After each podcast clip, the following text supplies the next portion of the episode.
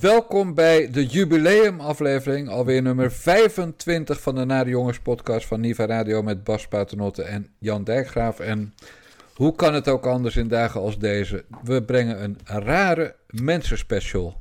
En die begint met een hele leuke vrouw. Ik kan er niet bij. Het, het lijkt op wegkijken. Het lijkt op wegkijken. En als je de hele tijd wegkijkt, moet je misschien wegwezen. Was de situatie niet zo ernstig dat er zoveel mensen nu zitten die echt weg moeten wezen?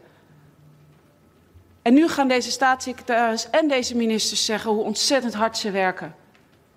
Maar ze zijn te laat. En weet je wat ik ook zo erg vind, voorzitter? Deze minister zegt dan, nu weten de Afghanen dat het anders kan. En ik vraag me af, wat weten ze dan precies dat het anders kan? Dat je met bommen geen vrede brengt. Dat je met het vertellen dat je met de hearts en minds werkt, dat dat niet werkt op het moment dat je terugtrekt. Dat je dan mensen in de steek laat. Dat je uh, met het in de, in, in de lucht houden van een corrupte regering niet een, een, een Afghaans leger opbouwt. Wat, wat hebben ze nou geleerd?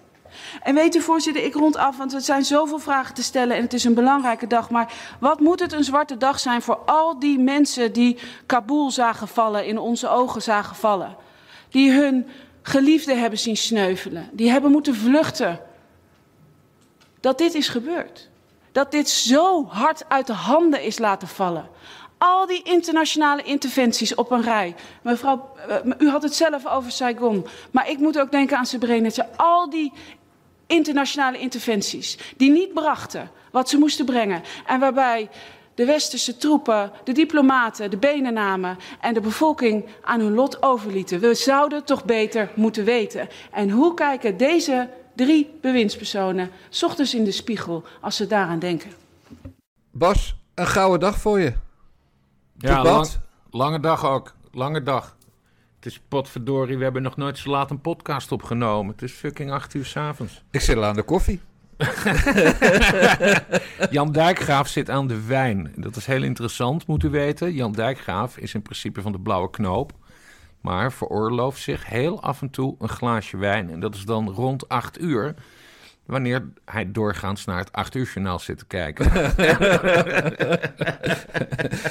ik zit doorgaans om 8 uur uh, mensen te muten op Twitter. Dat is mm. tegenwoordig mijn beroep s'avonds. Ja, gaan we het straks over hebben. Nee, het, het, was, het was op zich een interessant debat. Ook al was het tegelijkertijd een ontevredigend debat. Uh, het is gewoon helemaal mis, uh, mis in Afghanistan. dat is niet louter de schuld van Nederland. Dat is met name de schuld van de Amerikaanse president eh, Joe Biden, die zich volledig heeft verkeken op, op de Taliban. Een deal met ze had gesloten. En nou, dat is dus allemaal misgelopen. Renske Leijten, die we dus zojuist hoorden, is altijd heel mooi fel erin. Komt ook omdat ze van de SP is en tegen de oorlog. Maar zoals we ook weten, heeft Renske Leijten een heel groot hart voor mensen die het minder goed getroffen hebben. Wat we ook hebben gezien tijdens de toeslagaffaire. En uh, Renske ging er vandaag dus hard in. Uh, mevrouw Leijten, want omdat het een vrouw is, hoef je er niet per se Renske te noemen. Maar gewoon bij de achternaam. Mevrouw Leijten ging er redelijk fel in. door tegen met name de minister van Buitenlandse Zaken, demissionair Sigrid Kaag, te zeggen: de regering moet zich schamen voor dit Afghanistan-debakel. met de gouden quote: als je de hele tijd wegkijkt, moet je misschien zelfs wegwezen. Ja, weer. En ja, daar heeft ze gelijk in. Maar ja, het is heel ingewikkeld. Of het is heel ingewikkeld om een demissionair kabinet weg te sturen, want het is al weg. En de affaire is dus nog niet klaar. En dat snapte Leijten, maar ook de rest van de Kamer wel. Uh, er zitten nu nog Nederlanders in Kabul. Uh, er zitten nu nog uh, Afghanen in Kabul en omstreken. die voor ons als Nederlanders hebben gewerkt. Hè? Dus, dus voor de voor de diplomatieke missie, de, de ambassade. Maar ook de, de, de tolk waar het veel over gaat, die, die onze Nederlandse militairen hebben, hebben geholpen. En dat, dat werd wel een interessante discussie. Uh, want er werd een hele interessante motie voorgesteld... die notabene een Kamermeerderheid schijnt te hebben. Alleen de VVD doet niet mee van de coalitie. En die was van Salima Belhai. Zij is, uh, zij is plaatsvervangend Kamervoorzitter en deed het eh, debat en tevens D66er. Dus stond enigszins tegenover haar eigen minister. Maar Belhaai heeft een motie ingediend die erop neerkomt dat, niet alleen de Afghaanse tolken, maar iedereen die de Nederlandse overheid heeft bijgestaan in Afghanistan naar Nederland gehaald moet worden. en hier de asielprocedure te laten afwachten. Hè? Want het kabinet had een beetje iets van we doen alleen de tolken, maar die moeten dan de asielprocedure in Kabul afwachten of in Afghanistan. En Belhai zegt van, hè, ze zegt dus niet van, ze, moet, ze moeten allemaal een gratis verblijfsvergunning krijgen. Die zegt, uh, we moeten ze wel naar Nederland halen. En, en, en dan niet alleen de tolken, maar ook de koks en de beveiligers. En, en hun gezinnen. juristen, journalisten, alles wat ons daar heeft bijgestaan, hier naartoe halen. Um, en, en Kamermeerderheid dus, 76 zetels gaan daar woensdag, vandaag als u dit luistert. Ik, nee, ik weet trouwens niet of er vandaag ook wordt gestemd. Maar uh, die gaan in ieder geval daarvoor zijn. En Belhai zei dan ook tegen het kabinet van... Uh, nou, jullie weten nu dat er een Kamermeerderheid is. Ga hier dan ook maar gelijk mee aan de slag. Ja, maar dat kon Kaag niet doen, want die ging naar een veel belangrijke vergadering. Namelijk iets Europees. Die zat, ja, uh, zat, vanaf het begin op hete kolen. Ja, Kaag had over, moest ook nog overleg hebben met, uh, met, uh, met haar Europese collega-ministers van Buitenlandse Zaken, waarvan het merendeel wel demissionair is. Maar goed. ja, nee, maar Sigrid Kaag in zo'n debat. Het, kijk, zij heeft het ook tegen zich, dat accent, maar ze is zo. Ze is, Oh, zo noem je dat. Fucking arrogant. Ja, nee, nee, maar deden. Ja, het is deden, ja. En dan ook als hè, dan zegt een Kamerlid van, oh, ik heb dit en dit gehoord. En dan zie je die kop verstrakken van, hallo vriend, vergeet niet dat ik hier de minister van Buitenlandse Zaken ben. En mijn informatiepositie beter is dan de jouwe. Ja, Zegt ze niet, maar zo kijkt ze dan. Ja. En dat is verschrikkelijk natuurlijk. Vandaar ook dat ze tijdig iedereen hadden teruggehaald. Hè? Dat de informatiepositie was perfect. Ze, wist, ze wisten precies uh, wanneer, uh, wanneer er gevaar dreigde. Nee, maar weet je, Bas... Nee, maar dat, wordt dus, dat wordt dus ook nog vervolgd. Want ik had, ik had drie punten over het uh, debat. We Maak ze maar af. En we hebben dus ik doe nog een wijntje. Ja, nee, neem nog een slok. we hebben dus eerst Renske Leijten. We hebben, we hebben twee Slima Belhai met haar motie. En het derde punt is ook een zeer ervaren buitenlandwoordvoerder, Kati Piri, P van de A, vroeger Europees Parlement, nu Tweede Kamer. die zegt: Ik wil sowieso ook nog een hele tijdlijn zien van hoe die hele besluitvorming tot stand is gekomen. Van eerst zeggen van, nou, we gaan ons best doen de tolken terug te halen. Daarnaast zeggen van, nou, we gaan kijken of we de tolken daar in een asielprocedure kunnen laten komen. Dan hebben we nog het verhaal over uh, uh, dat de VVD sowieso Afghaanse asielzoekers vorige week nog terug wilde sturen. Dus die mevrouw Piri die wil daar nog een timeline over zien. En daar gaat natuurlijk weer een week overheen. Dus dat wordt dan volgende week of... Uh, nou ja, ik weet niet of de Kamer dan eens nog terugkomt, maar anders wordt hij na het reces behandeld. En drie? Nee, dat was drie. Ja, dat was drie. Ja. Ja, ja, ja. Wat mij als, eh, als niet-deskundige opviel, mm inderdaad dat ongelooflijke stuitende dédain van Kaag. Die heeft echt geen enkel respect voor de Tweede Kamer, terwijl zij toch degene is die geblunderd heeft. Ja. Bijvoorbeeld door een motie niet uit te voeren. Een, een motie die ze nog overnam uh, in begin juni. Hè? Dat betekent, uh, ik ga hem uitvoeren en snel. Nou, niks mee gebeurd. Nee. Het leuke is natuurlijk van het uitstel, want ze wilden, het was vooral een doorschuiven debat, zoals ik het zag. Het leuke van het uitstel is dat wij natuurlijk uh, lijken gaan tellen. Want hoe meer Nederlanders of voor Nederland werkende mensen, Afghanen dus, uh, door de Taliban worden afgeslacht, hoe uh, groter het debakel voor D66 minister Kaag is. Dus dat is interessant, want uiteindelijk, ja, zij zei ook dat ze alleen maar een garantie kon geven, uh, letterlijk citaat, op de inspanning. Ja. Daarmee zegt ze dus, nou, we doen ons best. Maar je hoort aan alle kanten dat er gewoon geen Afghaanse kok, chauffeur, beveiliger, whatever, bij het vliegveld komt. nee, maar dat was, dat, dat was op zich wel eerlijk van haar, dat ze dat tijdens het debat zei. Uh, maar ja, dat doet dus alsnog afbreuk aan, uh, aan die eerdere moties. En wat je zei, die uit juni. En daar vraagt die Piri dus ook naar, van wat is er nou veranderd? Uh, maar ja, goed, het is eerlijk. Uh, het is een enorme teringzooi er in Kabul. En ik geloof ongetwijfeld dat de Nederlandse diplomatieke dienst... en uiteraard onze moedige militairen... Uh, inmiddels nog steeds onderweg in een vliegtuig naar de regio... hun best gaan doen iedereen zo veilig mogelijk te houden. dat kunnen zowel Nederlanders zijn als die Afghaanse medewerkers... van welke kunnen dan ook... Uh, ik, ben, ik ben eigenlijk wel blij dat er nog steeds geen berichten zijn over Nederlandse doden. Nee, daar ben je natuurlijk verschrikkelijk zijn. moet je sowieso blij om zijn. Deze nutteloze exercitie heeft al 25 Nederlandse militairen het leven gekost. Zal ik even met mijn opsomming als buitenstaander die er niks van snapt verder gaan? Ja, ik ben voor. Uh, uh, ik weet nu dat ik ook minister van Defensie kan worden. Ja. Het is goed, toch? Ik doe het precies zoals zij het doet. ja. Uh. Wat een faalhaas is dat, zeg. Wat een faalhaas. De Mindef. Ja, weet je, Hennis was al lachen. Uh, maar dan vonden die militairen waarschijnlijk nog een lekker wijf. Maar deze, deze dwerg... Ja, dat kan natuurlijk echt niet. Rob Hoogland schreef in de Telegraaf in zijn dinsdagcolumn... Uh, dat op Defensie gewoon een militair, oud-militair, de baas moet zijn... Nou, het enige militaire wat Ank Beireveld heeft, is dat ze gemaakt is met de zaad van een militair. Want de vader was, was beroepsmilitair. Ja. Maar het is een gênante vertoning. En, en dat mens met dat ge, uh, het, is, het is echt stuitend. En dan denk je dat je alles gehad hebt, Bas. En dan komt de Stamel-oma nog even. Ja, Ankie Broekers knol. Weet je, ik ben erg voor, voor mensen moeten zo lang mogelijk doorwerken. Maar ja, het moet wel een beetje coherent zijn wat ze vertellen. En, en dat is het, is, het lijkt wel, ik bedoel, of ze neemt iedereen gigantisch in de maling door een act, of het is echt gewoon een, een Joe Biden met tieten. Ja, ja, kijk, het, het is gewoon heel tragisch. Ankie Broekers-Knol was ooit uh, voorzitter van de Eerste Kamer. Uh, volgens mij had ze dat ook, uh, ook willen blijven, maar dat uh, dat zag Mark Rutte minder zitten. En daarom werd ze uiteindelijk staatssecretaris asielzaken, wat ze, wat ze nu is. Um, uh, ja, ik, ik weet niet eens hoe oud ze is, maar ze is gewoon niet zo scherp. Het is een. Um, nee, maar het doet een beetje, weet je nog, het doet een beetje denken aan Ivo Opstelten. Daar, ja. daar, toen, die, toen die minister was van Veiligheid en Justitie, zoals het toen nog heette.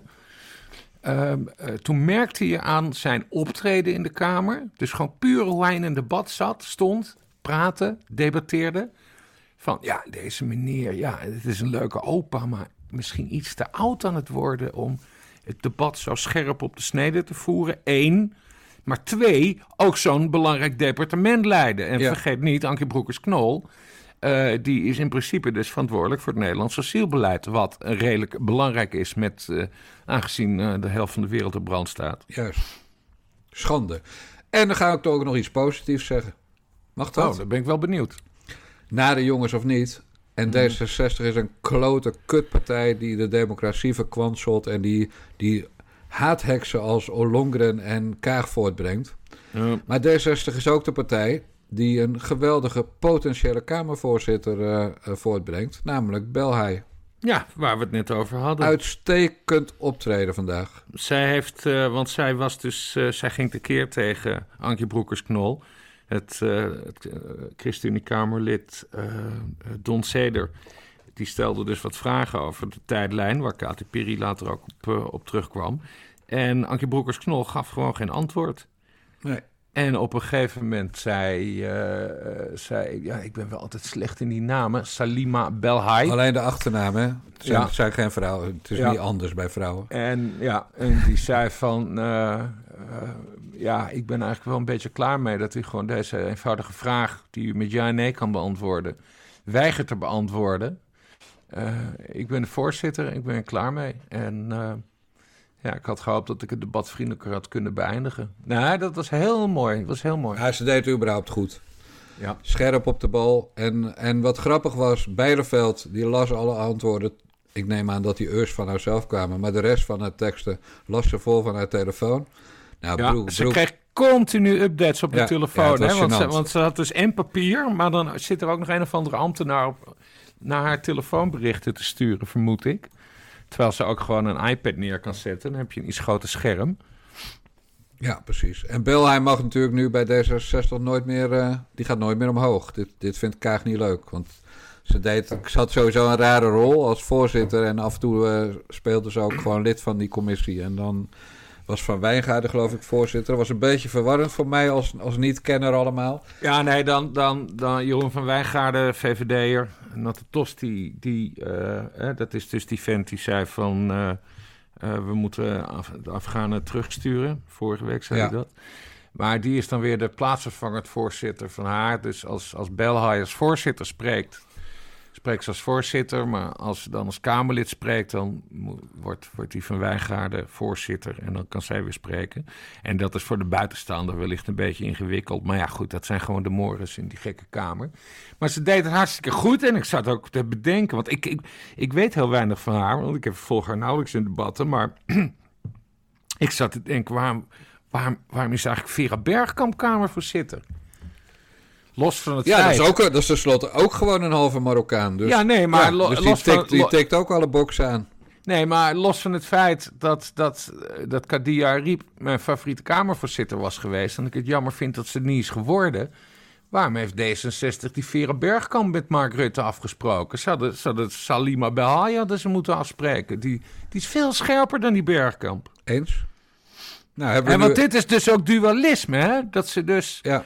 Dat ze, dat ze en de minister aanpakt, en de staatssecretaris aanpakt, en, de vergadering leidt. Dat is, dat is een goede voorzitter maar, doet. maar weet je hoe dat komt? Omdat haar de dood van al die mensen en de nutteloze miljarden en de nutteloze militairen die zijn overleden. Wij bij ons 25, maar bij de Amerikanen bijvoorbeeld duizenden. Ja. Dat raakt haar echt. Het is een mens met een hoofdletter M. Ja. Uh, en en zo'n Kaag is gewoon een techneut. En Beideveld, ja. Grappig, Beideveld. Ja, haar broer is gewoon journalist bij de Telegraaf, hè? Chef, geloof ik. Ja. ja. En in de Telegraaf werd ze vandaag door Hoogland. Voor jij me onderbrak, zei ik dat al. Hmm. Werd ze ook gewoon keihard aangepakt, hè? Maar er moet gewoon een militair op defensie. Nou, dat is hartstikke waar. Ja. Kijk, wij, ik was ooit goed met Hennis. Dat is over uh, sinds ik af en toe een briefje aan haar schreef. Ja. Uh, maar, maar Hennis kon eigenlijk al niet. Laten we eerlijk zijn. Ik bedoel, ze was wel iets meer dan een schroevenmeisje. Maar met de poot in de modder had ze echt nooit gestaan. En, en dan komt daarna die Bijleveld. Ik hoorde vandaag nog een stukje terug. Ja, ze had er wel op gerekend dat ze gebeld zou worden voor uh, Rutte 3. Maar niet dat het Defensie zou worden. Ja. Ja. En dan wordt zo'n mus benoemd. En dan is het, ja, maar mijn vader was beroepsmilitair. Dus ik ben heel geschikt. En we gaan alle rotzooi opruimen uh, die Hennis heeft achtergelaten. En wie is haar staatssecretaris? Dat is kakelkipje nummer 2, Barbara Visser. Ja. Die dat hele gedoe met die kazerne naar Middelburg heeft uh, verziekt. Om het even niet Middelburg... Uh, Vlissingen. Vlissingen. Vlissingen, de mariniers. Ja, precies. Ja, ja. En die ook eigenlijk gewoon weinig kan. Dus we hebben een Kroaat, dat is Barbara Visser op Defensie. En we hebben een, een smurf uit Twente uh, op Defensie. Een mevrouw die ook... Ze heeft, dus, ze heeft dus geen nek, hè? Dat is echt heel apart. En dat kunnen we haar niet aanrekenen. Dat zal wel iets bij de geboorte zijn geweest. Maar haar hoofd zit dus direct tussen haar schouders. Daar zit helemaal geen nek tussen. Dat, heeft, Peter, dat heeft Peter Gillis ook, Bas. Ik weet niet wie dat is. Ja, dat zeg je elke week. Maar als jij niet uitkijkt, gaan we gewoon een keer een Peter Gillis special maken. Hotse flotse. Ik word, uh, ik word hier fokswild van. Ken je die termen nou nog steeds niet? Nee. Nou, hatseflatsen is dus dat hij denkt aan neuken. Ja, maar wie is het? Ja. Wat doet hij? Wat heeft hij werk? Wie is Peter Gillissen? Is het een trainer? Die man, die man, die man is eigenaar van een aantal vakantieparken in het zuiden van Nederland. en, en daar wordt een, eh, een, een, een eh, wekelijks uh, real, real life soap van gemaakt. Hij is uh, dikker dan jij en ik bij elkaar. Mm -hmm. uh, hij is met ons Nicole woont hij samen. Dat is een van de jong Grietje. Dat valt op kleine, dikke, lelijke mannen met heel veel geld. Mm. Nou, hij rijdt in een Rolls en hij rijdt in een Porsche. Dat werkt allemaal. En als je, als je op Facebook een keer zou kijken naar de reacties van zijn klanten op zijn vakantieparken. Ja, dus dan denk je echt, je snapt niet dat er één klant komt. Het moet een grote griebersooi zijn. Maar ja, dat, en het is allemaal helemaal rukbas. Maar toch moet je een keer kijken op maandagavond half negen. En waarom? Omdat Frank Lammers van Jumbo Reclame, uh, die doet de voice-over. En de voice-over van, van dat programma, en dat heet Massa is Kassa, dat is echt de allerbeste tv die er is.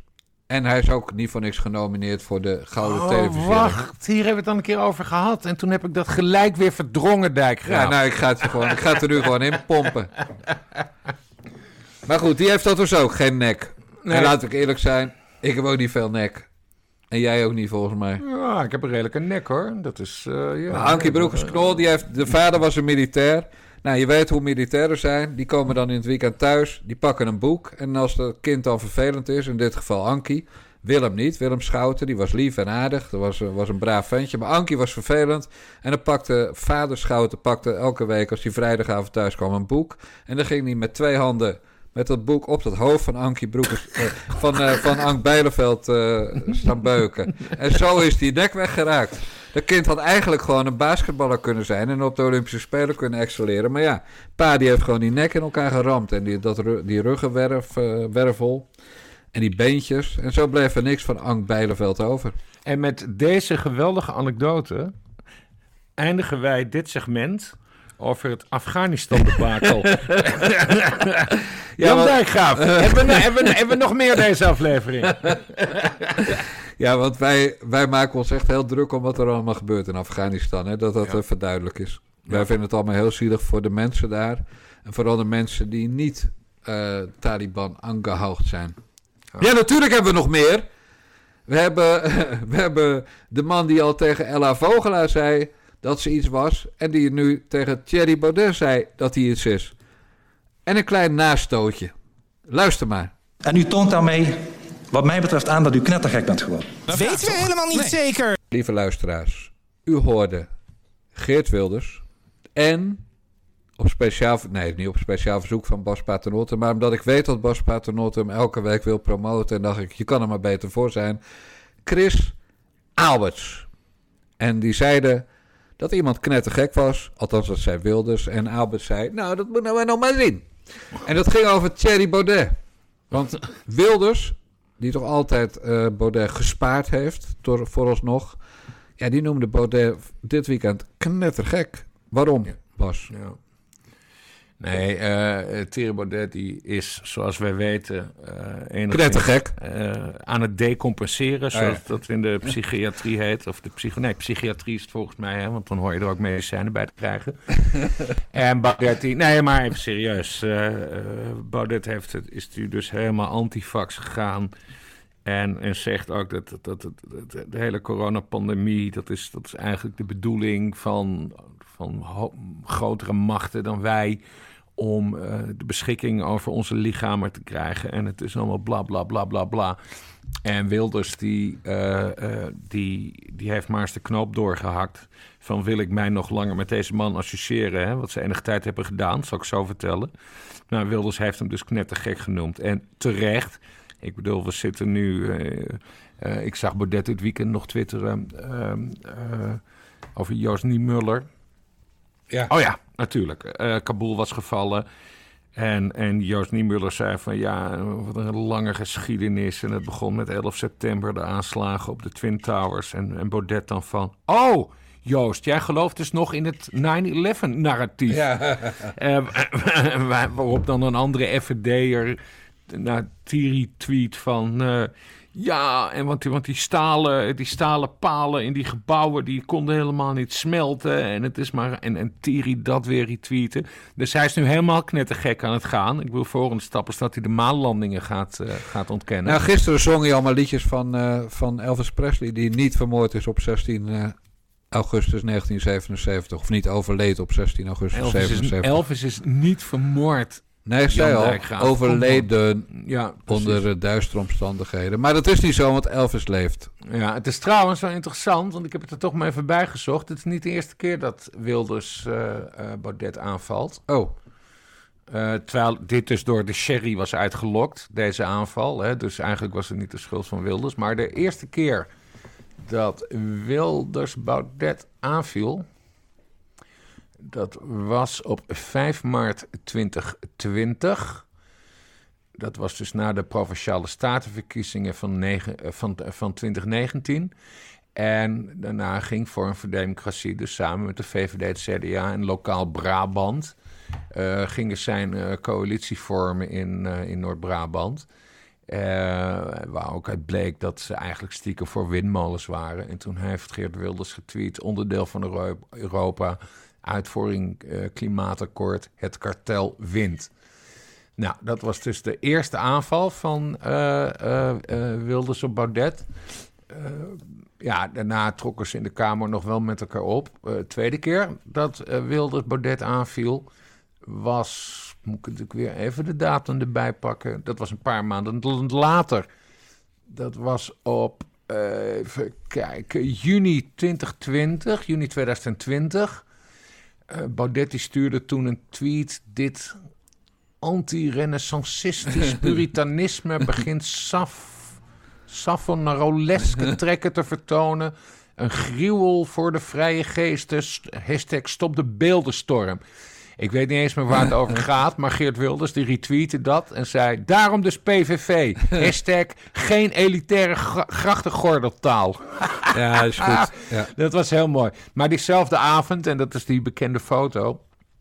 Uh, toen is uh, uh, Wilders dus uitgenodigd door Baudet en Theo Hiddema... om bij Theo Hiddema in Amsterdam langs te komen. En dat is die foto dat je, dat je ze met z'n drieën ziet zitten... En dan zegt Wilders, uh, dat is dus dezelfde dag nog, uh, uh, grachtengordeltaal of niet. Ik mag ze beide zeer. En ondanks de verschillen die er natuurlijk zijn, werken we waar het kan goed samen. En gaan we Nederland terug voor op de elite. Nou ja, supermooi. Alleen uh, Wilders heeft natuurlijk ook door dat Baudet dus steeds gekker en gekker aan het worden is. En ja, hij, heeft hem, hij heeft hem nu knettergek uh, genoemd. En dan zie je op dat Twitter zie je van die domrechtse types wel zeggen van ja, nee, maar het, uh, in grote lijnen zijn ze het eens. Nou, nee, als je iemand knettergek noemt, dan kun je daar niet meer op terugkomen. En, en Geert Wilders kennen, dan gaat hij dat ook niet doen. Dus uh, uh, Thierry Baudet is nu volledig geïsoleerd in de Tweede Kamer. Hij heeft geen medestanders meer. Misschien dat als hij een keer een motie indient, als meneer zich daartoe verwaardigt, dat Geert Wilders bereid is die te steunen. Maar uh, nee, het is uh, de, de, de liefde tussen de PVV en Vorm voor Democratie, voor zover die er al was, die is nu wel voor, voorbij. Want Geert Wilders werd ook, één, mijn merken sterker. Twee, ik ben een betere parlementariër. Drie, ik heb veel meer zetels. En vier, ik ga nog veel meer zetels halen dan jij ooit nog zal doen. Dus nee, dat is het einde oefening voor Thierry Baudet. Ja, dat zeg je elke week. Ja, ja, nou, nou ik, heb, ik krijg dus iedere keer gelijk. En nu, kost, is Wilders, en, en, nu is Wilders er klaar mee. En het kost mij dus elke week donateurs, deze grap. Ja, ja, maar dat is... Dat ja, is ja, ja, ja. nee, maar dat hebben we ervoor over voor onze principes. Ja, maar daarom. Ik bedoel, ik, ga, ik, geld is niet belangrijk. Nou ja, nee, geld is wel belangrijk. En, en ik ja, maar we laten ons niet omkopen, Bas. Nee, en de mensen moeten goed starten. Maar, maar niet omdat, omdat, ik, om, omdat jij of ik iets zeggen wat ze graag willen horen. Nee, want wij zijn niemands knecht. Wij zijn niemands knecht. Wij zijn de nare jongens. Waar kunnen de mensen starten, Jan Dijkgraaf? Vertel dat nou, eens. Bas, dan draai ik... Uh, kut man, mijn wijn is erop. Dan draai ik het blaadje om. Oh, en weer terug. Dat stond toch op de voorkant. Doneren kan bij de Nare Jongens podcast op tpo.nl, via narejongens.backme.org of via bunk met een q.me slash schuine streep is dat Niva Radio. Was het nog coherent of moet ik het even beter doen? Nou, nee, ging prima. Oké, nou dan gaan we ja, rare mensen. Ik heb er nog een. Ja, superleuk. Ik dacht wel echt bij de eerste uitzending, ik ga helemaal dood. Waar ben ik aan begonnen? Zo spannend.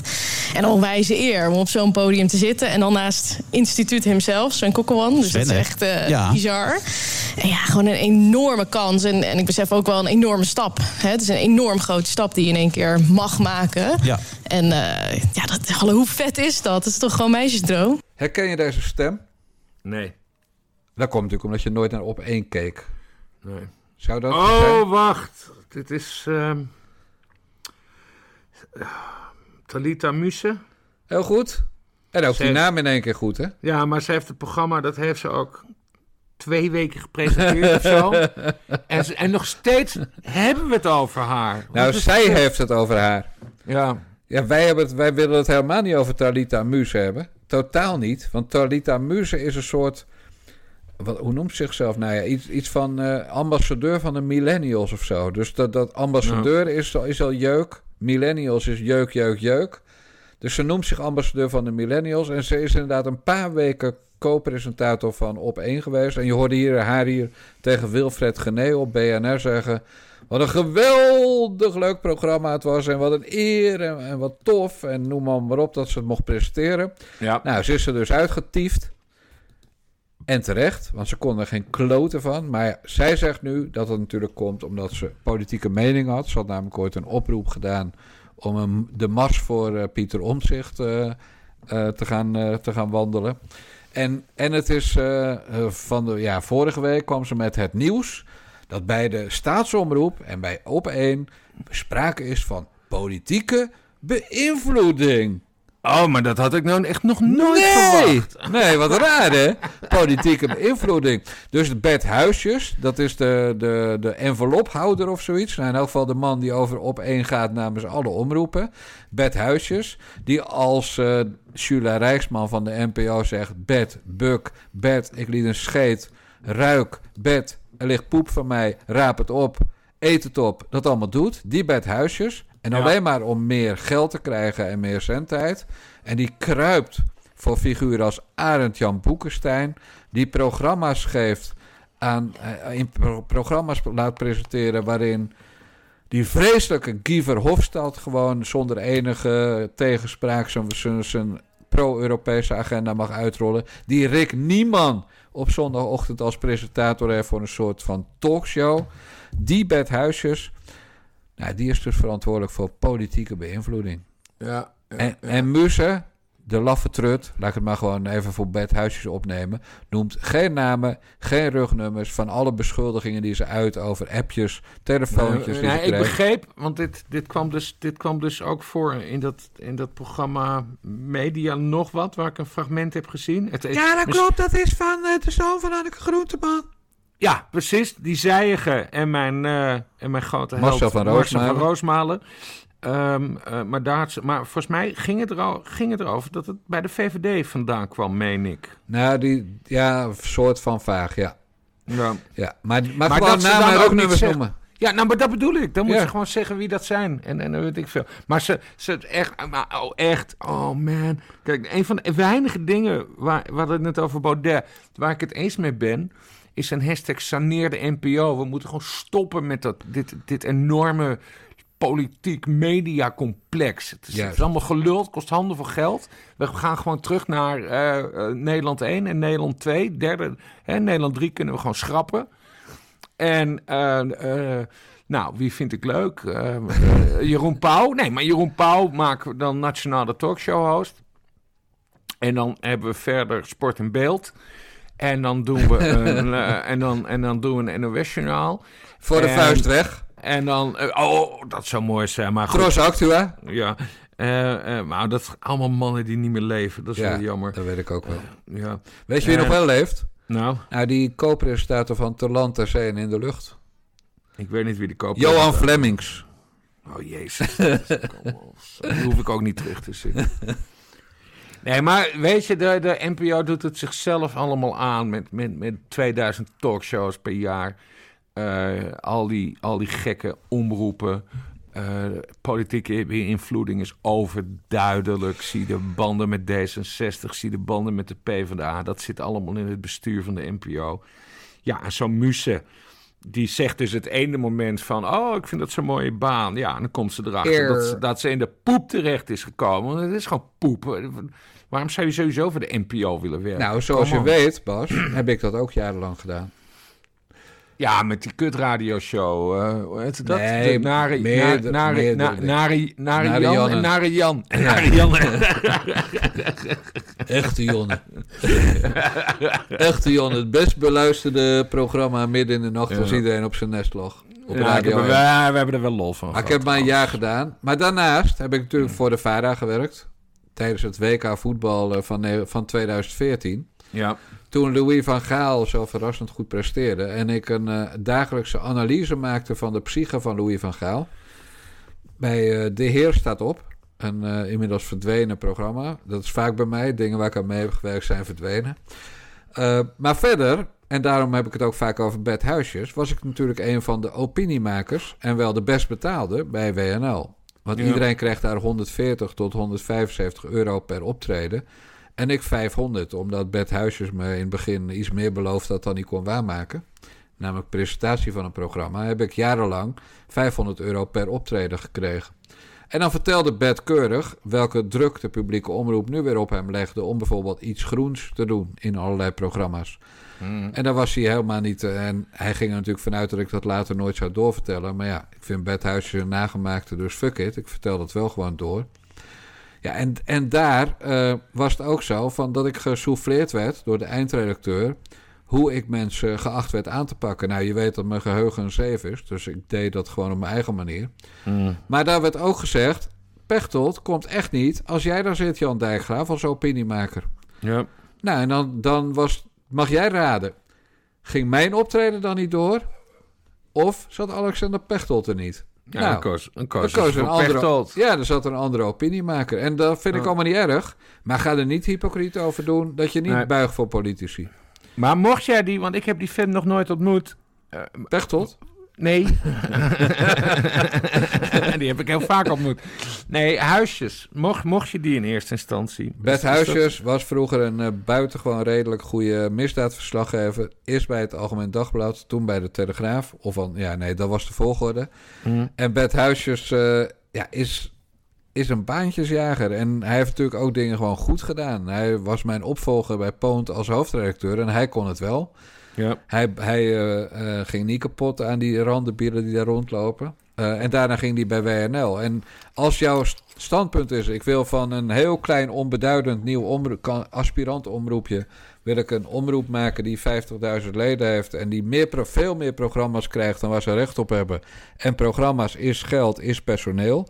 Nou, dan heeft Bert Huisjes het gewoon hartstikke goed gedaan. Maar als je zegt: is WNL nou het rechtse geluid in Nederland? Ja, dat, dan ze zijn ongeveer net zo rechts als de linkerkant van D66. Ja, ja. En, dus het is volledig mislukt. Maar ja. Bert Huisjes, nee, ik heb, ik heb respect voor zijn kwaliteiten als hoofdredacteur slash directeur van WNL. En daar heeft hij ook een keurig salaris en een lekker vette BMW aan overgehouden. Maar als mens, ja, heb ik niet zo heel veel meer met Bert Huisjes. Want het is gewoon een nepper. En natuurlijk, hoe hij dan weer op die muze reageert... Van uh, nou, we, willen wel meewerken aan onderzoek. En er is geen sprake van politieke beïnvloeding. En volstrekt onafhankelijk. Nou, bla bla. Flikker toch op, man. Je bent gewoon een loopjongen van Jula Rijksman. En straks een loopjongen van de opvolger van Jula Rijksman. Want dan krijg je programma's en dan krijg je budget en dan krijg je mensen. En hoe meer mensen, hoe dikker je BMW wordt. En dat vind ik echt niet erg. Je kent me. Ik ben liberaal tot in mijn tenen. Maar ga niet huigelachtig doen. En ga vooral niet roepen dat het een rechtse omroep is. Met notabene die vreselijke Rick Nieman als, als een van de anchors. Ik las, uh, ik las toevallig uh, in voorbereiding op onze uitzending van vandaag... Uh, vandaag een stukje in de Telegraaf van de lollige columnist Kitty Herwijer. Um, en die had het over een mevrouw die heet Naida Aurangzeb. Hoe? Uh, na, Naida Aurangzeb. Ik versta je niet, het geluid is slecht. Nee, precies. Maar goed, maar die, die, die was dus ook uh, ooit tv- en radiomaker in het uh, progressieve bolwerk te Hilversum. En zij heeft in een interview met Robert Vuijsjes, trouwens al een tijdje terug, maar Herwijer komt er vandaag op in die column, dat een, een SP-Kamerlid, even kijken hoor, wat was er weer... Oh ja, een SP-Kamerlid, natuurlijk weer geen naam noemen, uh, die vertelde. Wacht even, want ik moet het even goed lezen. Een seconde. Dit moeten we eruit knippen zo. Nee, bekijk het maar. Oh. Ik moet mijn eigen afgang ook altijd erin Nee, maar ik haal die wijven dus door elkaar. Nou, dat geeft toch niet, Bas? Ja, nee. Okay. Doe dan de cupmaat. Oké. De haarkleur. Nee, maar nu komt hij. Ja, hè, hè. Die mevrouw beschrijft Kitty Herwijer, uh, Naida Aurangzeb, beschrijft dan aan, Ro aan Robert Vuistje... Uh, uh, dat ze van Kamerleden, ambtenaren, mensen met wie ik debatten voorbereid... en van mijn hoofdredacteur in Hilversum, dus haar hoofdredacteur... Hoorde dat een gesprek begint dan met hoe erg de situatie in Israël is... en binnen drie zinnen ben je bij Joden die overal de macht hebben in de Tweede Wereldoorlog naar zich toe trekken, terwijl anderen net zo goed hebben geleden. Omdat ik moslim ben, gaan ze ervan uit dat ik ook een antisemiet ben en dat ze dus vrij kunnen praten. Nou, dat is dus ook NPO, hè? Het is allemaal echt. En, en, en daarom ik, ik snap het ook niet. Hè? Kijk, wij zijn vrije jongens. Zelfs toen we geïnstitutionaliseerd waren. Uh, jij met name als hoofdredacteur van, uh, van, van Dagblad Metro en hoofdredacteur van HP De Tijd. Uh, in beide gevallen, wij zijn, nou ja, wij zijn wel eens onder, onder druk gezet van politici, maar dan schreven we dat op. Ja, daar zijn, maakten we een leuk stukje van. De, ja, daar heb je hele columns over geschreven. Ja. En, ehm, en, en, en, maar bij de NPO, ja, als je, als je daar, stel je voor dat je daar die radicale onafhankelijkheid zou nastreven, ja, dan, dan, ben je dan lig je eruit waarschijnlijk. nee, niet waarschijnlijk, dan lig je eruit. En dan lig je eruit. Ja, dan krijg je elk, uh, dan, dan word je iemand die uh, heel veel verschillende baantjes heeft daarna. Ja, ja. Waarmee ik niet wil zeggen dat ik voorstander van die muze ben. Want ik heb, ja, ik, ik heb er ook maar drie keer gezien. En het is, het is allemaal, het is vooral veel millennial, bla bla bla. Ja, maar dat maar, is het. Maar het, het, is, het is gewoon fucking naïef van. Uh, uh, dat ze denkt dat, dat de NPO een apolitieke organisatie zou zijn. Ja, want dat is, dat is nou net bij uitstek. En, en dat ja. is ook heel simpel te verklaren. Ze worden namelijk betaald door de politiek. En wiens brood, of wiens, ja, wiens brood men eet, wiens taal men spreekt. Ja. Daar. En, en, en bovendien denken heel veel mensen die daar werken echt dat het heel verstandig is om op GroenLinks of de PvdA te stemmen. Ja. En daarom vond ik het trouwens zo stom uh, uh, dat, uh, dat Arnold Karskens, dat weet dat, Ongehoord Nederland is begonnen. Want ik, ik geef je op een briefje, hij mag daar nu meedoen aan het bestel vanaf volgend jaar. En, ja, maar die laat zich natuurlijk ook helemaal inpakken. Want die krijgt een hele dikke vette boterham iedere maand op zijn op op op rekening. Nou, dat weet ik nog niet. Ik weet niet of Kaskers meedoet aan, het, uh, aan, aan de wezen. Ja, de wezen, wel, de wezen jawel. Nee, ik dat denk ik. Jawel, ik heb de Kamerbrief gelezen. Uh, mediaminister Arie Slop zei... Hè, die heeft dus de toekenning geregeld tot het bestel voor, voor Karskens. Maar die heeft toen de afspraak gemaakt dat zwart op wit moest staan... dat Karskens niet de NOS zou afzeiken. En toen heeft Karskens gezegd, oké, okay, daar uh, zal ik me aan houden. Ja, nou, daar ga je al, vriend. Jij bent de gast die twintig jaar lang dat uh, zwartboek NOS heeft ge gemaakt. Leeft Karskens nog? En dat is een serieuze vraag, want ik heb hem rond Afghanistan niet gehoord. Ik kijk, ik kijk nooit naar die dingen. Nee, ik ook dus, niet. Maar, maar meestal schreeuwt hij hard genoeg. Maar hij is, ik, hij is helemaal stil. Ik moest, ik moest wel aan hem denken. Dat, uh, ik heb een. Uh, even kijken wanneer dat was.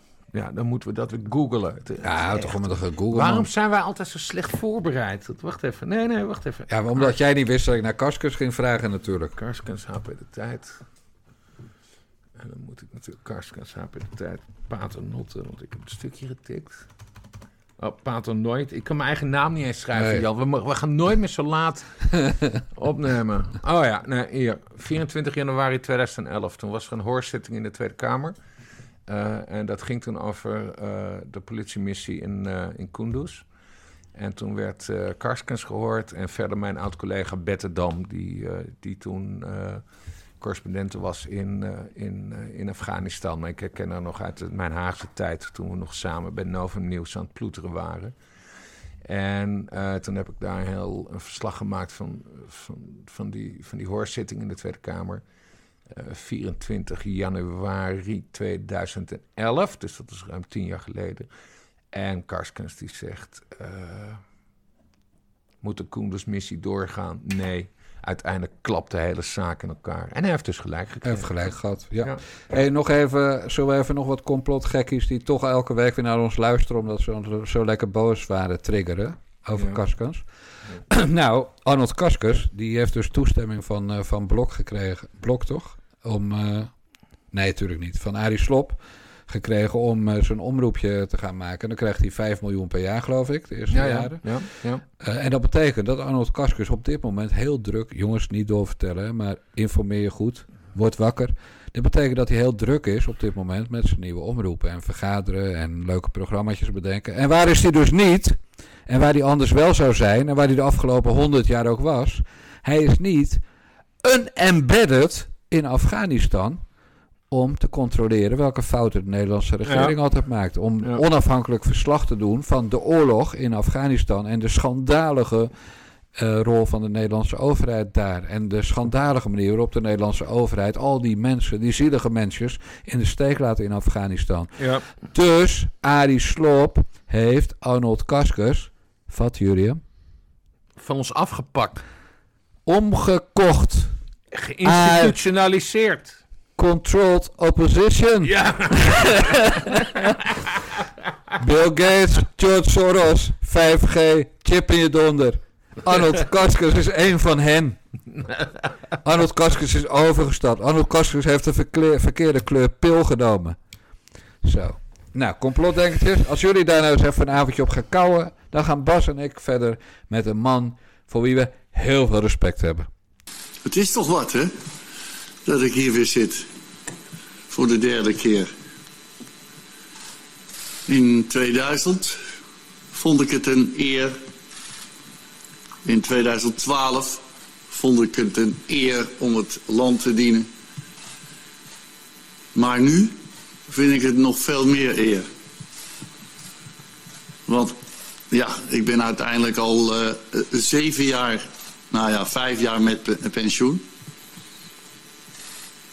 En uh, ja, ik zag ook uh, de noodzaak in van, ja, wie zou het anders moeten doen, deze job. Deze man ken je natuurlijk. Louis van Gaal, de nieuwe bondscoach. Wat vond je ervan vanmiddag van de persconferentie? Ik heb hem, uh, ik heb hem gekeken. Er vielen mij een paar dingen op. Uh, hij ziet er extreem goed uit. Hij is, hij is slanker in mijn, uh, dan hij vroeger was in mijn herinnering. Klopt. Verder heeft hij iets aan zijn gebit gedaan. ik kom uit een familie van tandartsen. Dat valt mij altijd gelijk op als iemand iets aan zijn gebit heeft gedaan.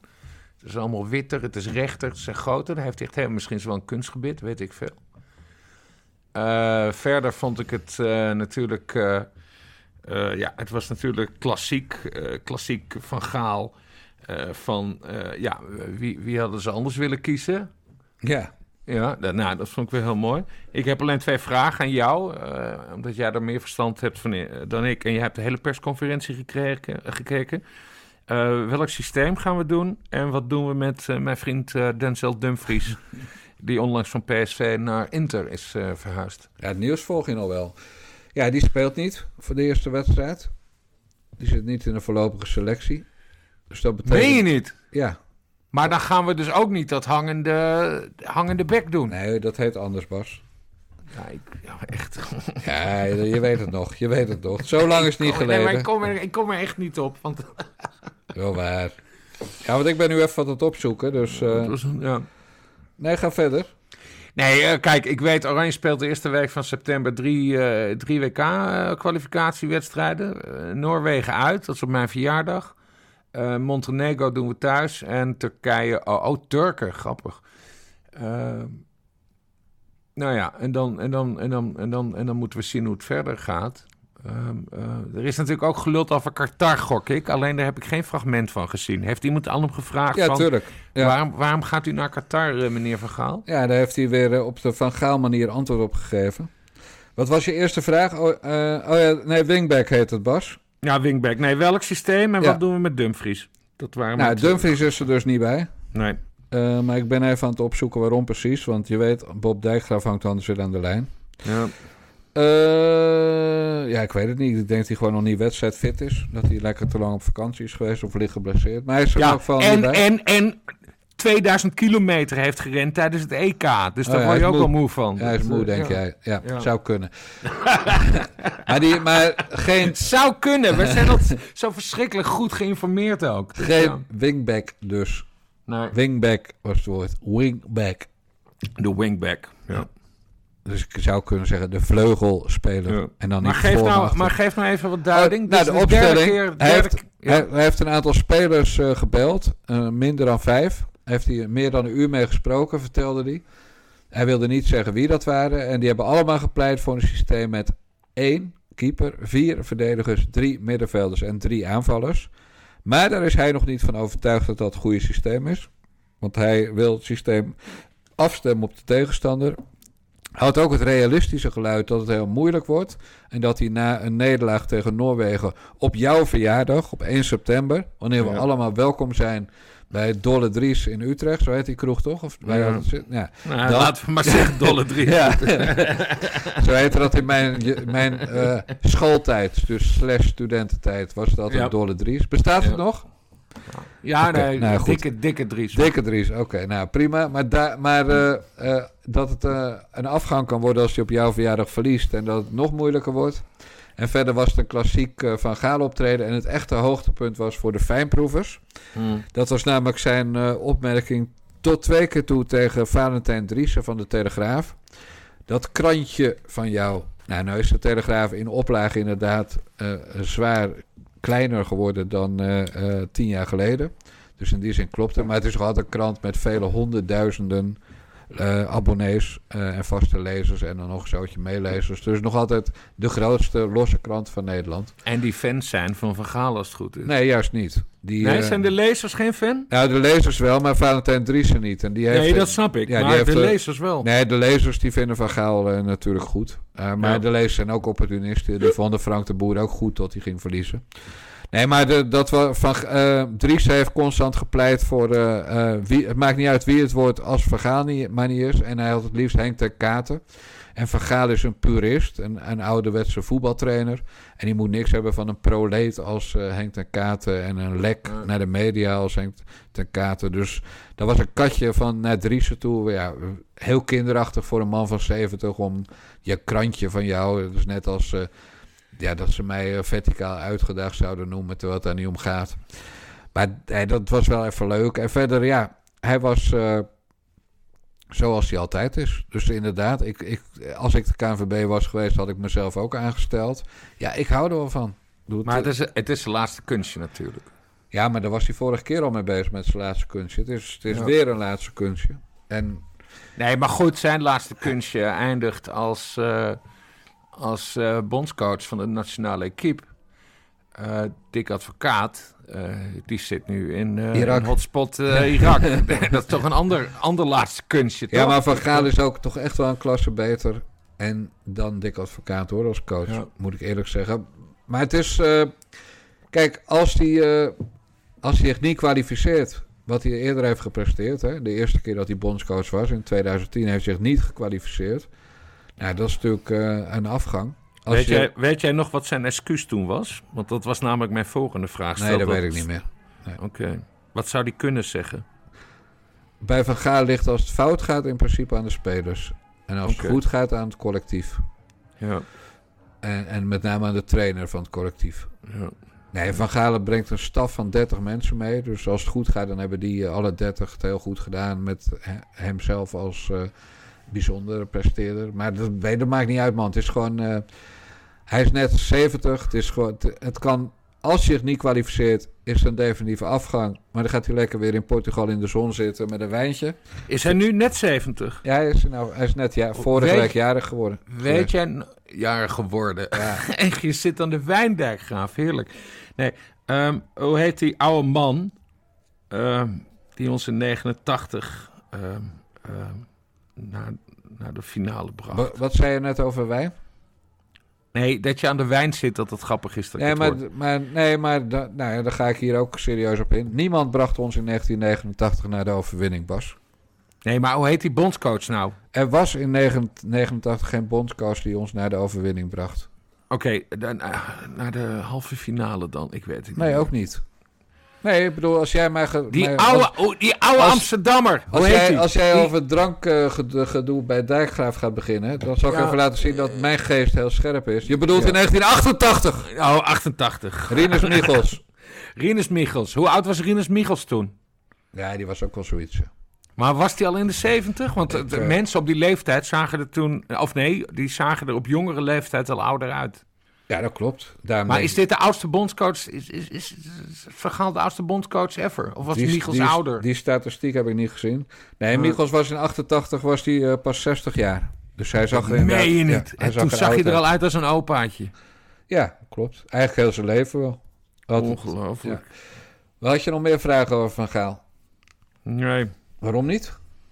Ik ben hmm. hem zo goed voorbereid op die man. Ja, nee, maar ik had nog een ander puntje. Ehm, hè, want hè, het heeft wel een soort bruggetje naar Vergaal. Stel dat, hij het niet gaat, dat het hem niet lukt. Dat zou dat dus voor de tweede keer zijn.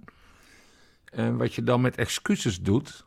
Nee, stel dat het hem wel lukt. Dat hij wereldkampioen nee, wordt. Nee, nee, nee, maar jij gaat weer over, over iets vervelende dingen beginnen. Ik ga, ik ga over vervelende dingen beginnen. Want ik zag namelijk een briefje van Jan Dijkgraaf... waarin hij zijn excuses aanbood uh, wat ik trouwens heel erg mooi vond, en dat komt ook omdat je daar namelijk geen enkele moeite mee hebt. Ik zal de lezer even kort bijpraten. Kabul was gevallen en er was een mevrouw Ward, heet ze volgens mij, van CNN. Uh, die heel moedig vanuit Kabul verslag deed. En Jan die had een fotootje getweet met eentje waar ze zonder hoofddoek op staat en een ander met hoofddoek. Of het, of het was zelfs een hele boer. Nee, het was geen boerka. Het was een. Uh, hoofddoek, plus was het. Hoofddoek plus was het. En Jan heeft toen uh, getwitterd: uh, dat is bukken. En daar kreeg je natuurlijk enorm veel glazen mee. want die mevrouw, die werd op, op, op gans internationaal Twitter al lastig gevallen.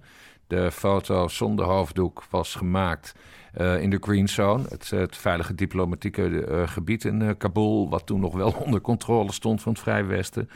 En, maar als hij buiten interviews ging doen en, en Fox poppen en weet ik veel reportages maken, had ze per definitie een hoofddoek op. En dat waren velen niet ontgaan. Dus gelijk werd mijn vriend Jan Dijkgraaf natuurlijk weer omlaag gehaald van... oh, die nare, nare kutkabouter en dat klopt allemaal niet, bla, bla, bla, bla, bla. Maar leer mij Jan Dijkgraaf kennen. Uh, en dat heb jij dus vanmorgen gedaan, dinsdagochtend. Uh, het is nu dinsdagavond nu we dit opnemen. Jij hebt geschreven, ja, ik zat gewoon fout. Ik heb dat verkeerd gedaan en dat uh, geef ik nu ruiterlijk toe. Ja, Nee, dat en, is leuk en dat trekken ze, ja, maar dat trekken ja, ze nee. dan niet op Twitter. Ze trekken, hè, want dan zie je, hè, jouw briefje, het briefje van Jan, nou, dat, dat, dat komt altijd ergens tot stand tussen 7 uur s morgens en 10 uur s morgens. Ho, ho, ho, of, nee, nee, maar op verschillende platforms. 5 en 7. Nee, nee, maar op verschillende oh, platforms ja, online, ja. bedoel ik, online. En, uh, en dan weet ik dat die, die andere mensen, die dus dan de avond daarvoor al aan het zeiken waren, hè, Jan Dijklot dit, Jan Dijklot dat, uh, dat ze dat briefje hebben gelezen en dat er keihard gaan negeren. en dat ze dan gewoon de volgende dag nog steeds doorgaan. Ja. En ik had dat toevallig met een, uh, een, collega van mij, die ik trouwens graag mag, Jay Hoetsen heet hij. Dat is een, dat is een Nederlandse correspondent in, in Mexico. Uh, en die heeft natuurlijk ook tijdverschil. Dus had het ochtendbriefje niet, uh, had hij natuurlijk niet gezien. Uh, maar die kwam dus ook vanmiddag met een of andere bij de hand tweet van... ja, sommige leunstoel-correspondenten die nog nooit in een oorlogsgebied zijn geweest... die moeten misschien niet dit soort dingen tweeten. Dus ik hem heel keurig, hè, want ik ben heel aardig dan... heel aardig tweetje sturen van... Nou ja, goed, de, de, de, de commentator in, uh, in kwestie die heeft inmiddels een briefje erover geschreven waar hij in grote lijnen zijn excuses aanbiedt. Uh, dus wellicht dat je dat ook even aan je volgers kan laten weten. En dat heeft Jay trouwens keurig gedaan. Ja, is dus hij wel de enige? Ja, hij is de nee, maar goed, het is veel leuker om Jan Dijkgraaf af te zeiken dan te zeggen van, oh wat goed dat hij, dat hij zijn fout toegeeft. Maar ja, leer mij journalisten kennen. Ik ben, ik ben er zelf ook niet goed in. Volgens mij heb ik in mijn hele carrière, die nu, wat zal het zijn, 20 jaar omspant twee keer mijn excuses aangeboden. Jij hebt veel vaker je excuses aangeboden. En daar is een reden voor, omdat jij uh, de, de scheid aan hebt. Als jij fout zit, dan geef je dat toe, want je hebt eigenlijk geen ego. Daar komt het op neer, toch? Nou ja, in principe in principe is dat zo. Ik, nou, ik heb zeker wel een ego, maar ik heb scheid aan, uh, aan, uh, uh, aan het feit dat ik. nee, ik, kijk, het, het is heel simpel. Ik, ik, ik schreef inderdaad van zo ziet bukken, buigen eruit. Nou, zij had nu meer hoofddoek dan ze normaal heeft. Maar ze heeft inderdaad altijd als ze buiten is, had ze al een hoofddoek op.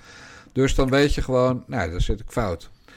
Dus wat doe ik dan op die avond? En heb je het echt over vanaf gisteravond een uur of zeven of zo. Dan, kijk ik tv en ik kijk nooit live, maar altijd terug op NLC. Dan heb je geen reclame. Dan hoef je niet naar al die uh, uh, gekleurde mannen en vrouwen huwelijken en al die, die potten en homo-stelletjes te kijken. De reclame mm. is sowieso kut. Mm. Dus dan in de, zeg maar, tussendoor kijk ik tv en dan mute ik gewoon iedereen de moeder.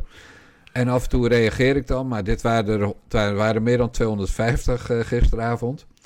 En dan gooi ik er eerst een, een half excuus uit. Dus en dat was dan na een paar uur. En dat is dan.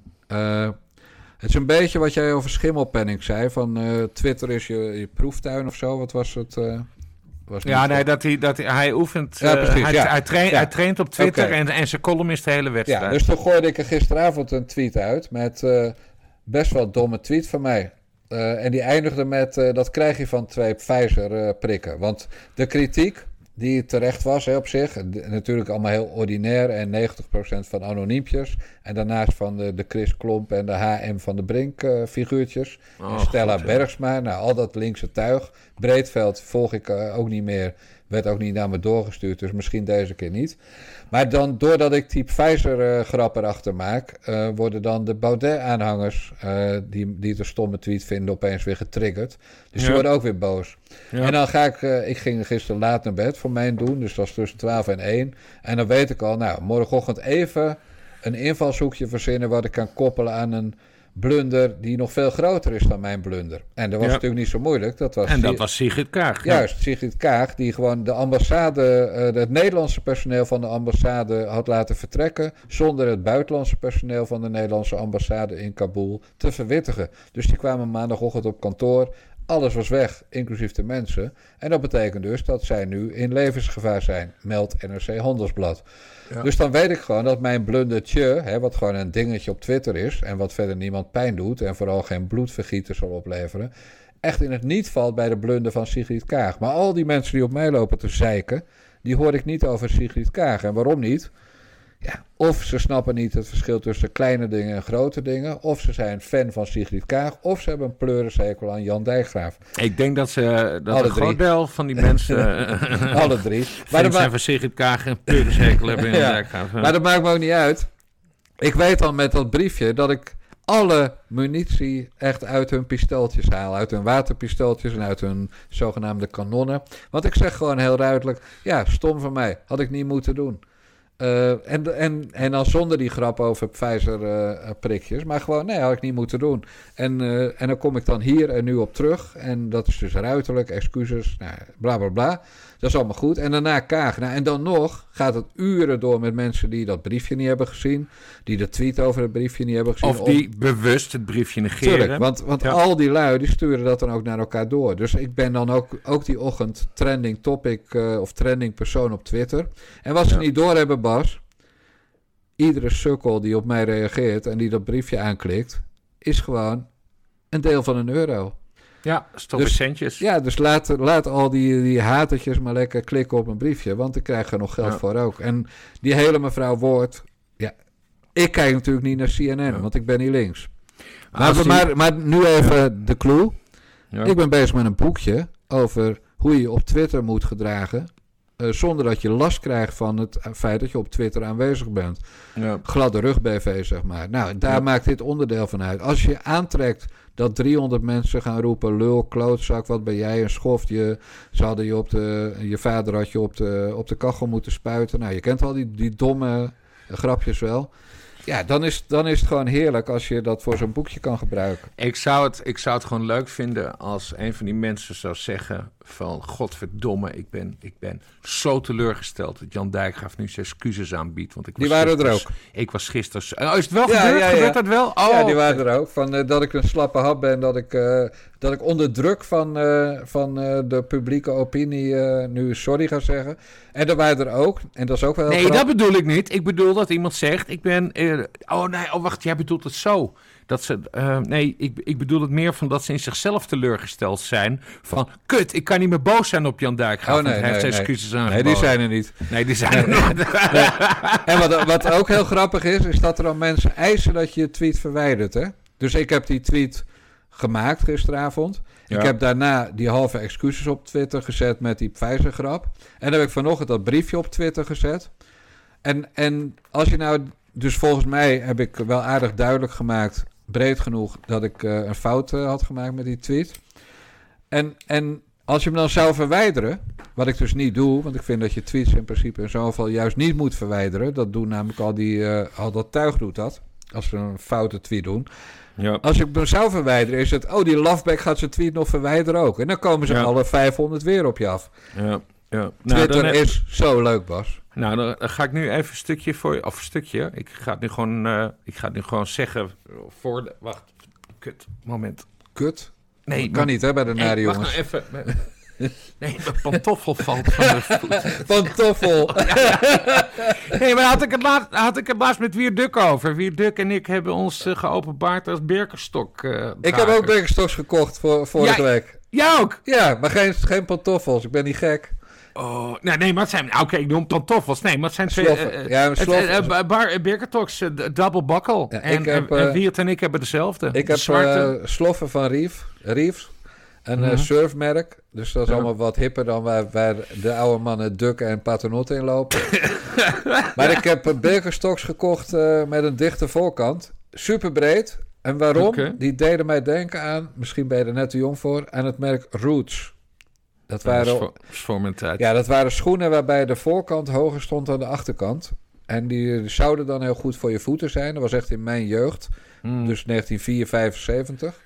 En die vond ik zo gaaf. En die Birkenstocks die ik heb gekocht lijken erop. De firma Birkenstocks kan trouwens terecht op uh, tpo.nl bij de Nare Jongens podcast, op narejongens.backme.org of bij bunk.me slash Niva Radio. Want als en Wierduk en Bas Paternotte en Jan Dijkgraaf Birkenstocks dragen, dan betekent dat dat er ter rechterzijde een hele grote doelgroep is voor Birkenstocks. Ja, nee, precies. Kaching!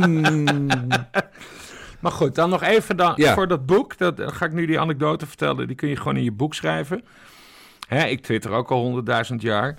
En ik heb ook tijden gehad toen ik nog uh, dronk. Hè, want ik ben, ik ben al jaren gestopt met, uh, met, met sterke drank en alles. Uh, ik heb een keer in de trein gezeten en toen had ik vertraging. En toen heb ik een enorme woedeaanval gehad. Uh, ik ging toen van Amsterdam naar Utrecht midden in de nacht. En toen werden we omgeleid via Hilversum of zo. En ik woedend. Dus ik tweet: Oh jongens, dit is hetzelfde bedrijf dat de Joden naar, naar Westerbork en Auschwitz, bla bla bla bla bla bla. nou, volgende dag, hè, dan ontplof je Twitterlijn. Ja. Uh, dan, dat je eerst moet even terugdenken. Wat heb ik eigenlijk getweet? Maar dan weet je het al snel weer. uh, maar echt duizenden reacties. En dan zeggen ze inderdaad ook: haal die tweets weg. Maar uh, en dat, dat geldt hetzelfde als voor een, uh, uh, een nieuwswebsite. je wil niet je eigen archief corrumperen. Dus ik laat die tweet staan. En als ik erop terugkom, nou prima, dan kom ik erop terug. Misschien kom ik er ook helemaal niet op terug. Wat nog veel grappiger is, is als mensen tweets van jou een screenshot van maken. En dat ze die gaan tweeten, terwijl je de tweet niet verwijderd hebt. Ja waarmee ze de indruk wekken dat jij je tweet verwijderd hebt. En jezelf dus hebt gecorrumpeerd door je eigen tweet te verwijderen. Nou, dat is wel zo intens gemeen. Dat is bijvoorbeeld waar die Haan van de Brink, waar je het net over had, zich schuldig aan maakt. Ja, die gaat gewoon tweets, uh, dan maakt hij een plaatje van en dan wekt hij de indruk dat je die tweet hebt weggehaald. Nou, dat heb ik helemaal niet gedaan, vriend. en, daarom, en die heb ik trouwens echt geblokt, hè, want normaal mute ik iedereen. Uh, hè, want dat, dat is ook weer een leuke tip. Uh, als je Nooit mute, blokken. Nee, als je ze mute, dan kunnen ze je wel lezen, maar ze weten niet zeker of jij ze zelf wel leest. Maar bij blokken weten ze van, oh, oh ik, heb, uh, ik, heb hem, ik heb hem bij de ballen gehad en daarom heeft hij me geblokt. Dus daar muten altijd tip 1. Maar goed, dit is uh, gewoon een stukje, stukje invulling voor je boek, uh, Jan Dijkgraaf. Ja, Wanneer komt het uit? Nou, weet ik nog niet. Wat ook nog grappig was, mensen weten ook niet waar ik mijn stukjes tik. Hè? Dus de helft heeft het dan over mijn kelder. En de andere helft heeft het over mijn zolderkamer. Ja. Dus ik heb vanochtend ook maar even voor die lui een foto van mijn zolderkamer gemaakt. Mhm. En de ingang van mijn uh, zolderkamer, daar staat één doos, zo'n verhuisdoos formaat. En mhm. twee zogenaamde Turkentassen. En voor mensen nou weer boos worden, google dat woord. Zo noemen Ik weet echt niet wat Turkentassen zijn. Wat zijn dat, Jan Dijkgraaf? Dat zijn van die grote tassen die ze bij winkels als Zeeman en de Action kopen... waarin je heel veel kleding kan stoppen. Van Daar kom ik nooit. en die, Maar ze zijn zo genoemd omdat vroeger op uh, Renault, uh, Renaults... Meestal, of Mercedes'en die van Nederland naar Turkije reden... voor de zomervakantie van zes weken... Dan lagen, waren die auto's helemaal beladen met tassen vol met cadeaus voor de familie in Turkije. Oh ja, dat zijn net zoals die Marokko, Marokkanen ook dan. En dan op vakantie. Ja, super mooi. Bij Google heette die ja. dus Turkentassen. Maar als ik op mijn zolderkamer zou moeten komen, moet ik eerst 30 kilo afvallen. Want ik kan er helemaal niet op. Zo klein is die. Maar dat gedoe van dat ik een uh, toetsenborst-terrorist ben die in mijn kelder en, en, uh, en op zoldertjes werk. Kijk, wat ik dan nooit uitspeel, Bas, want dan ben ik net zo klein als dat soort lui. Alleen ik meld het jou wel, want daar ben ik dan ook nagenoeg voor. Ja, ze doen ook net alsof ik niks heb meegemaakt uh, in de tijd dat ik nog journalist was. Uh, en dat ik nooit uh, te maken heb gehad met gevaarlijke situaties. Nou, ik laat ze vooral graag in die waan. maar ja, jij en ik weten wel beter. Dus... Nee, maar de dingen die, die wij hebben meegemaakt, de dingen die jij hebt meegemaakt. De, we, we, we, hebben dat al vaker in deze podcast besproken. De, de dingen met voetbal. Pim Fortuyn, uh, de, van Gogh uiteraard. Dat was wel trouwens als hoogtepunt qua journalistiek in gevaar zijn. Ja. dat is het meest enge trouwens wat ik echt heb meegemaakt. Theo van Gogh en de, de aanslag erop. Maar dat gaan we niet teruggooien, inderdaad. Nee, want dat moet je allemaal niet doen. Je moet niet meegaan in, in dat spelletje. Nee, nee maar daarom, en daarom, en dan, en dan concludeer ik, want, uh, want daar begon ik deze opmerking mee. Uh, ik vind dat dus gewoon cool dat jij dan zegt: jongens, ik zat fout. Ja. Nee, maar dat, en, dat moet je gewoon kunnen zeggen. Uiteindelijk is dat gewoon de les van Gladde Rug BV. Zoals ik uh, uh, in mijn Twitter-bio heb staan. De les is, je moet gewoon onraakbaar zijn. Dus ook al zou ik geen reet menen van die excuses, hè, stel... Dan nog moet je het gewoon uit tactisch oogpunt doen. Omdat dat je mensen moet ontregelen. Je moet niet doen wat ze verwachten. Dat is terugslaan. Dat is weglopen. Hè? Wat, eh, wat politici altijd doen. Als in uh, Sjoerd Sjoerdsma. Leeft Sjoerd Sjoerdsma nog? Ja. Nou, dat weten we niet. Want meneer is gewoon nadat hij eh, op is afgegaan... gewoon even zes tot acht weken van Twitter af. Nou, dat doe ik dus nooit. Nooit weglopen. Je verantwoordelijkheid nemen.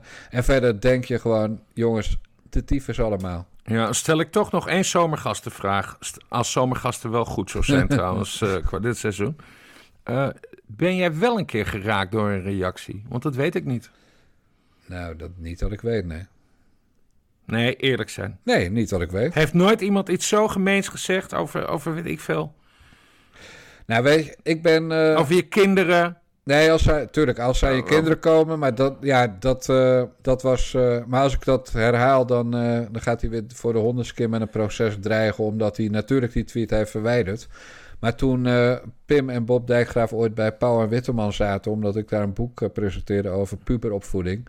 Ja. Toen twitterde iemand uh, dat, dat die twee kinderen van die Dijkgraaf een beter dood konden zijn. Of, ja, ik weet alweer ja, wie het is. Dan, we gaan zijn naam niet noemen, nee, want die lol gaan we hem niet doen. Nee, maar dus, nee. dus dat is wel het moment dat je, ja, wat is geraakt? Ik bedoel, het is ook, het is ook maar welke de het net zegt.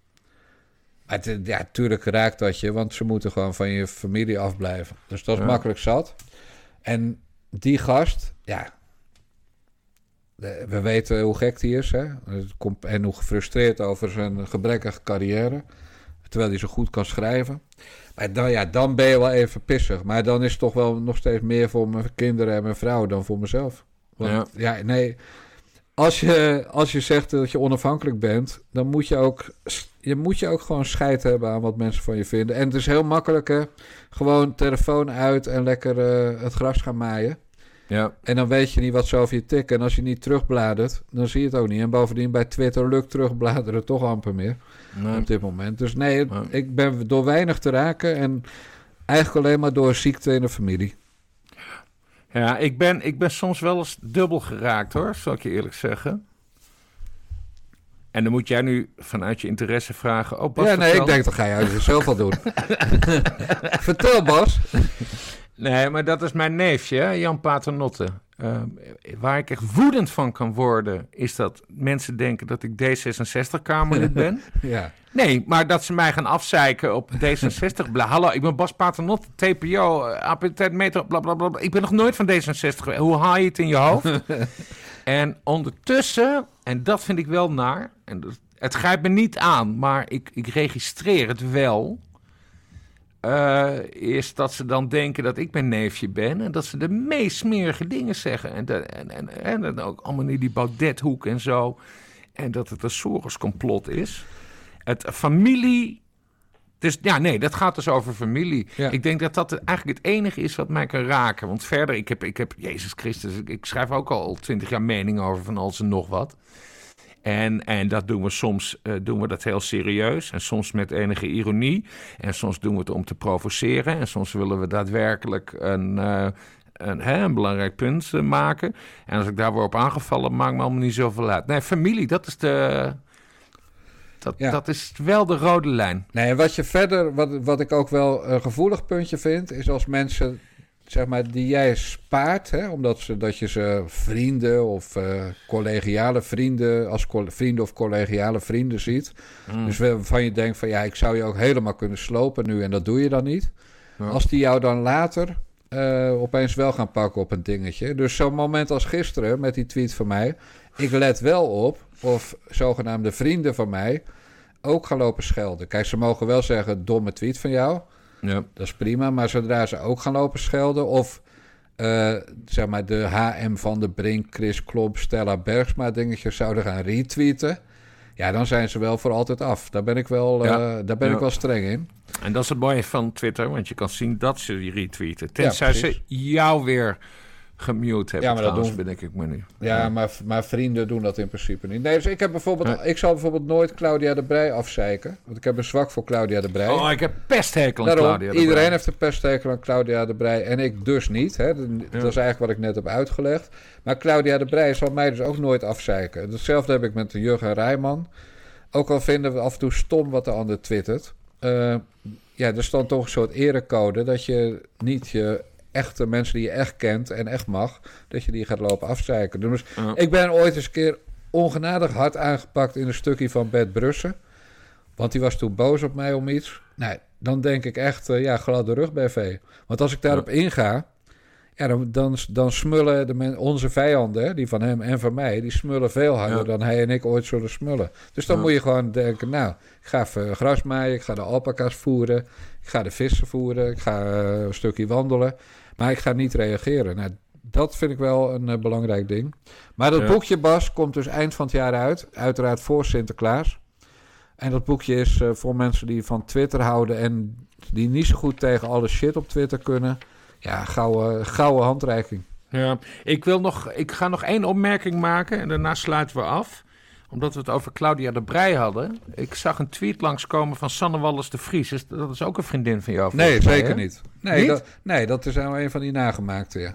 Oké, want ik ga nu even de tweet erbij pakken. Dat is die foutje van Muiswinkel. Wacht even hoor. Als not en dan... San, uh, zien dat ze zichzelf Sanne Wallis de E heeft genoemd of zo? Nee, Sanne Wallis gewoon. Sanne Wallis?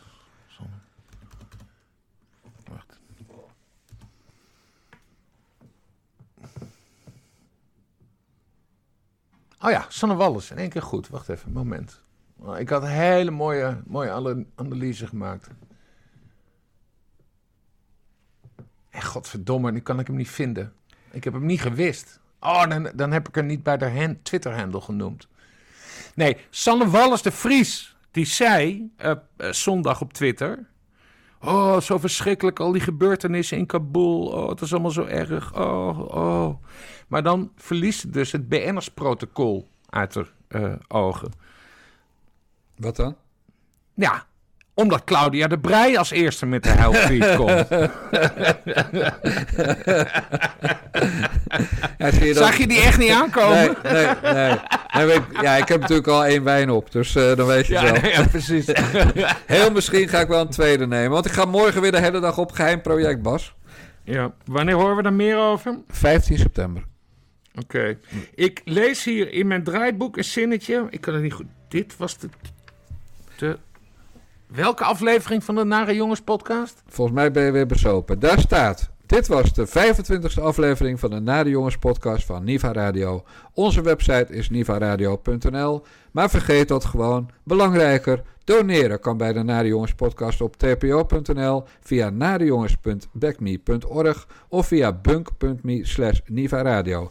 Heb je tips? Wil je ons overladen met complimenten? Of heb je gewoon wat te zeiken? Mail dan naar redactieassistente Naomi Q op redactie.nivaradio.nl. De mazzel. Tot volgende week.